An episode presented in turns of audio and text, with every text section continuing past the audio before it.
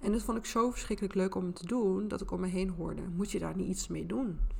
En toen begon eigenlijk het idee van een webshop. En zoals bij alles wat ik doe, ga ik er dan echt meteen voor 200% voor. Welkom bij de Wees Jezelf podcast. De podcast waar ik je alle ins en outs vertel over personal branding en hoe je dit op jouw manier kan inzetten. Ik ben Anneloes, personal branding expert bij Studio Pink. In deze podcast deel ik persoonlijke verhalen en ervaringen om jou te inspireren om jezelf te zijn. Daarnaast geef ik jou tips om personal branding eigen te maken. Veel luisterplezier! Wie mij al een tijdje kent en volgt, weet dat ik een aantal jaar geleden, inmiddels alweer bijna zes jaar geleden, een webshop heb gehad. Vol met handbeschilderde en hele toffe, uh, handbeschilderd servies, sorry, en hele toffe stationery. En als je me nog niet zo heel lang kent, kan ik me voorstellen dat je denkt: heb je echt een webshop gehad? Ja, I know. Uh, de webshop is ik al een hele tijd uit de lucht, want mijn webshop was alles behalve een succes. Laat ik even teruggaan aan het begin. Want het leek mij gewoon verschrikkelijk gaaf om een eigen webshop te hebben. I mean, een eigen webshop. Dat klinkt toch gewoon heel erg cool. Uh, het was gewoon een hele mooie uitklap, uitlaatklep voor mijn creativiteit, maar ook een mooie opvulling voor wanneer de normale opdrachten, even tussen haakjes, zoals huisstijlen en websites, er niet waren. En heel eerlijk, die waren in het begin ook gewoon een stuk minder. Uh, want ik was letterlijk net klaar met studeren en ik ging het ondernemerspad net aan, dus ik wist nog niet zo goed wat ik wou. En nou ja, ik zat heel erg in die opstartfase. Maar daarnaast leek het me ook een hele toffe ervaring. En het leek me ook heel gaaf om een webshop te bouwen. Dus ik begon maar gewoon met totaal geen webshops. In het verleden. Nooit gedaan, nooit gebouwd, nooit gedaan. Dus ik was heel erg in die onderzoekende fase. Maar ik kan je nu ook voorstellen dat je denkt van... maar waar kwam het idee dan vandaan om een webshop te beginnen? En dat is een hele goede vraag. Uh, vlak daarvoor begon ik aan een challenge voor mezelf... om elke dag één illustratie te handletteren. En ik ben gek op challenges. Ik vind het vooral heel erg leuk om mezelf uit te dagen en om nieuwe dingen te leren. En handlettering kwam via een blog van Ik ben Iris niet op mijn pad. Uh, inmiddels doet zij hele andere dingen, maar zo kwam het op mijn pad. En toen dacht ik, oh, ik ga ook even dat boek kopen en een paar stiften en potlood en pennen. En dan ga ik gewoon beginnen. Uh, en ik vond het zorg leuk dat ik die challenge begon. Elke dag één illustratie handletteren, één quote handletteren. En dat vond ik zo verschrikkelijk leuk om te doen, dat ik om me heen hoorde, moet je daar niet iets mee doen? En toen begon eigenlijk het idee van een webshop. En zoals bij alles wat ik doe, ga ik er dan echt meteen voor 200% voor. En binnen eigenlijk een vrij korte tijd was mijn webshop er ook wel. Het was dus een webshop vol met handgeletterde producten. Ik begon eigenlijk gewoon gewoon met kaarten. Um, dus ik had een hele uh, kaartencollectie, verjaardagskaartjes, verhuiskaartjes, kerstkaartjes, you name it, die had ik.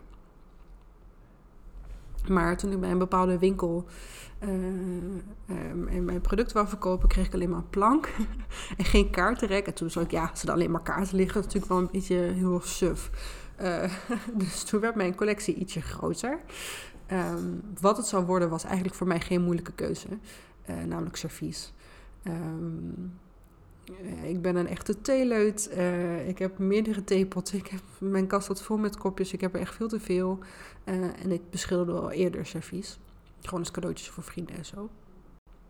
Mijn favoriet was toch wel de, de, de thee voor één of de tea for one. Uh, met een hele geweldige tekst. Stond op thee, warme sokken en Netflix. Um, en daarna volgde echt al vrij snel mokken, theeglazen, theetypes, theedozen, losse thee. En dus ook nog stationary. Dus ik had naast kaarten ook nog eens notitieblokjes en schriftjes. Had ik al gezegd dat ik, als ik ergens ga, dat ik dan voor 200% ga? Ja, dat mag nu wel duidelijk zijn. Uh, ik was in ieder geval razend enthousiast. Echt razend enthousiast. Um, en heel eerlijk, toen ik bij die winkel ging verkopen, deden mijn, mijn servies deed ook echt heel goed. Vooral die T One heb ik echt heel veel van verkocht. Ze waren ook in no waren ze uitverkocht. Um, maar je moet je wel voorstellen dat het um, best wel tijdrovend is. Alles werd met de hand beschilderd. Ik was niet met vijf minuten klaar met zo'n, met zo'n tier for one. Hij moest daar nog de oven in, het moest drogen. Het was gewoon best wel een lang proces. maar goed, zoals ik je net ook al vertelde, had ik in de tussentijd ook een challenge met mezelf. En dat was elke dag dus een illustratiehandletteren. Een jaar lang. Elke dag een illustratie. En dat gecombineerd met het ontwikkelen van producten in die webshop was veel te veel. En um, doordat ik er dus voor die volle 200, 300, 400 procent, hoe je het maar wil noemen, ging, um, verloor ik eigenlijk mijn interesse. Want ik ging er zo full focus in dat het na een tijdje gewoon niet meer leuk was. En dat is een valkuil waar ik vaker tegen aanloop. Ik ga heel vaak voor iets voor echt, nou, ik ga er gewoon vol voor. Um, uh, omdat ik dan het enthousiasme begin en dan denk ik halverwege van, nee, was toch niet helemaal wat ik, uh, wat ik zocht of wat ik, uh, wat ik wou. Um, en waar ik vooral tegenaan liep, want het was echt niet zo dat die webshop veel werk was. En het niet zoveel opleverde als ik had gehoopt. Maar het was meer dat ik um, van mijn nieuwe hobby werk had gemaakt. Dus ik was nog maar net begonnen met handletteren en ik besloot eigenlijk in, no time er een, een verdienmodel aan te hangen. En ik denk dat dit heel herkenbaar is voor heel veel creatieve mensen. Dat je zo enthousiast bent dat je denkt van, oh mijn god, als ik hier mijn werk van kan maken, dat zou echt geweldig zijn. En dat had ik achteraf eigenlijk gewoon niet moeten doen. Ik was echt elke dag bezig met nieuwe producten bedenken. Ik moest die webshop onderhouden, productfoto's maken. Ik stond op markten en ik was eigenlijk non-stop bezig om geld te verdienen aan mijn hobby. Met als gevolg dat ik niet meer genoot van het handletteren. En toen besloot ik eigenlijk gewoon te stoppen met mijn webshop. Zo snel als ik begin, zo snel kan ik ook weer stoppen met iets. Um, maar dat voelde wel heel erg als falen.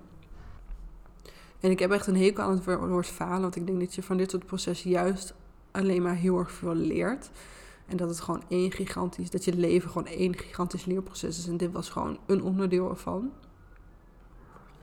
En terwijl het voelde als falen, voelde het tegelijkertijd ook echt als een opluchting. Alsof echt een last van mijn schouders afviel. Want ik vond mijn webshop gewoon niet leuk meer. En um, als er één ding echt heel erg belangrijk voor me is, als het gaat om werk, is dat wel dat ik er plezier in heb. Vind ik het niet meer leuk, dan doe ik het niet meer. Dan denk ik, ja, dan, dan, ga ik er, dan ga ik een negatieve lading aan hangen en dan is er plezier is weg. En dat wou ik niet. En heel eerlijk, ik was na, na een paar maanden gewoon echt, ik was fulltime ondernemer. De opdrachten liepen lekker. En dan ook nog eens een webshop onderhouden. Was gewoon echt heel erg veel werk. En ik had echt ontzettend onderschat hoeveel werk het is om een webshop te runnen. Dat is echt niet iets wat je erbij doet. Als er mensen zijn die fulltime werken en dan nog een webshop onderhouden, echt applaus voor jezelf. Echt waar. Want dat is echt voor bikkels. En ik heb mezelf heel erg vaak afgevraagd waarom dit zo voelde als falen. Um, en zoals ik net zei, ik denk dat gewoon heel veel mensen dit wel herkennen als je creatief bent. Je, ontdekt iets leuks, ehm, je gaat er naar onderzoeken en je bedenkt dan hoe je er geld aan kan verdienen. Met als gevolg dat je geen hobby's meer hebt voor de lol. Uh, ik vond handletteren echt ontzettend leuk, maar niet deze geforceerde versie. De ik moet producten maken en ontwikkelen manier. En daarom gaan handletteren. En uh, want handletteren, heel eerlijk, doe ik eigenlijk niet meer voor de lol. Want ik link het altijd weer terug naar, nee, naar dit verhaal. Uh, dus als ik al handletter, is het echt heel erg weinig. Zoals bijvoorbeeld in mijn bullet journal af en toe heel eventjes. Maar het is er bijna niet meer. Ik vind het af en toe nog eens leuk als ik iemand een kaartje stuur. Bijvoorbeeld dat ik de naam handletter. Maar dan houdt het ook wel een beetje op. En ik heb er gewoon ontzettend veel van geleerd. En ik denk dat de grootste les die ik eruit heb gehaald toch wel is dat ik niet van alles meteen een verdienmodel moet maken. ik denk dat dat wel de, main, hè, de, de grootste is. Uh, en dat ik ook af en toe gewoon mag genieten van hobby's die ik heb. Um, en dat ik niet overal meteen nou, voor de volle 200% voor moet gaan. Maar dat ik af en toe gewoon mag denken van ja, hè, misschien is 80% ook wel goed genoeg. En misschien moet ik gewoon even ontdekken wat ik hier nog meer uit kan halen. Behalve dan, zoals in dit geval, een webshop. Ik vind gewoon, en dat is ook wat ik wil, ik wil plezier hebben aan mijn hobby's. Um, En ik denk dat het feit dat ik dit nu van mezelf weet, is gewoon echt een dikke, dikke win. Ehm, dus ik moet het ook niet zien als falen. uh, maar de conclusie trekken dat een webshop gewoon helemaal niks, maar ook echt 100% niks voor mij is geweest. En normaal gesproken zou ik nu het outro starten. Die komt straks nog wel, jongens hoor. No worries. Um, maar het lijkt me heel erg fijn um, als jij met mij een soortgelijk verhaal deelt. Dus uh, ben je bijvoorbeeld ook een creatieve ondernemer en ben je ook zo iemand die meteen dan zo enthousiast en vol ergens voor gaat dat je um, misschien een beetje de controle verliest of het plezier verliest. Um, want ik ben ervan overtuigd dat ik niet de enige ben die dit, die dit doet. Um, maar toch hoor ik weinig van dit soort verhalen. Dingen die floppen, dingen die niet zo gaan zoals je had verwacht dat ze zouden gaan. Um, en ik merk dat we dit altijd heel erg stil houden. Um, terwijl ik juist denk van, jeetje, je kan zo, zoveel leren hiervan.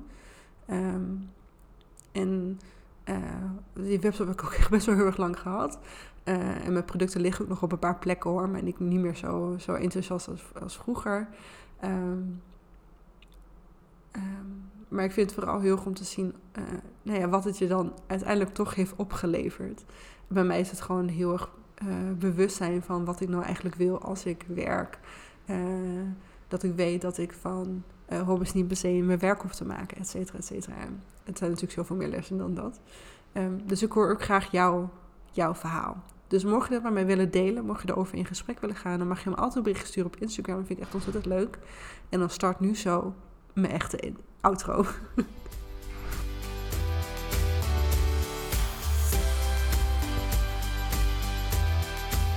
Bedankt voor het luisteren naar deze podcast. Heb je wat geleerd of ben je geïnspireerd? Deel deze podcast dan op Instagram of LinkedIn. Dat vind ik namelijk hartstikke leuk. Benieuwd of ik iets voor jou kan betekenen? Ga dan naar mijn website of stuur me een berichtje op Instagram. Vergeet ook zeker niet te abonneren zodat je geen enkele aflevering mist. Tot de volgende aflevering.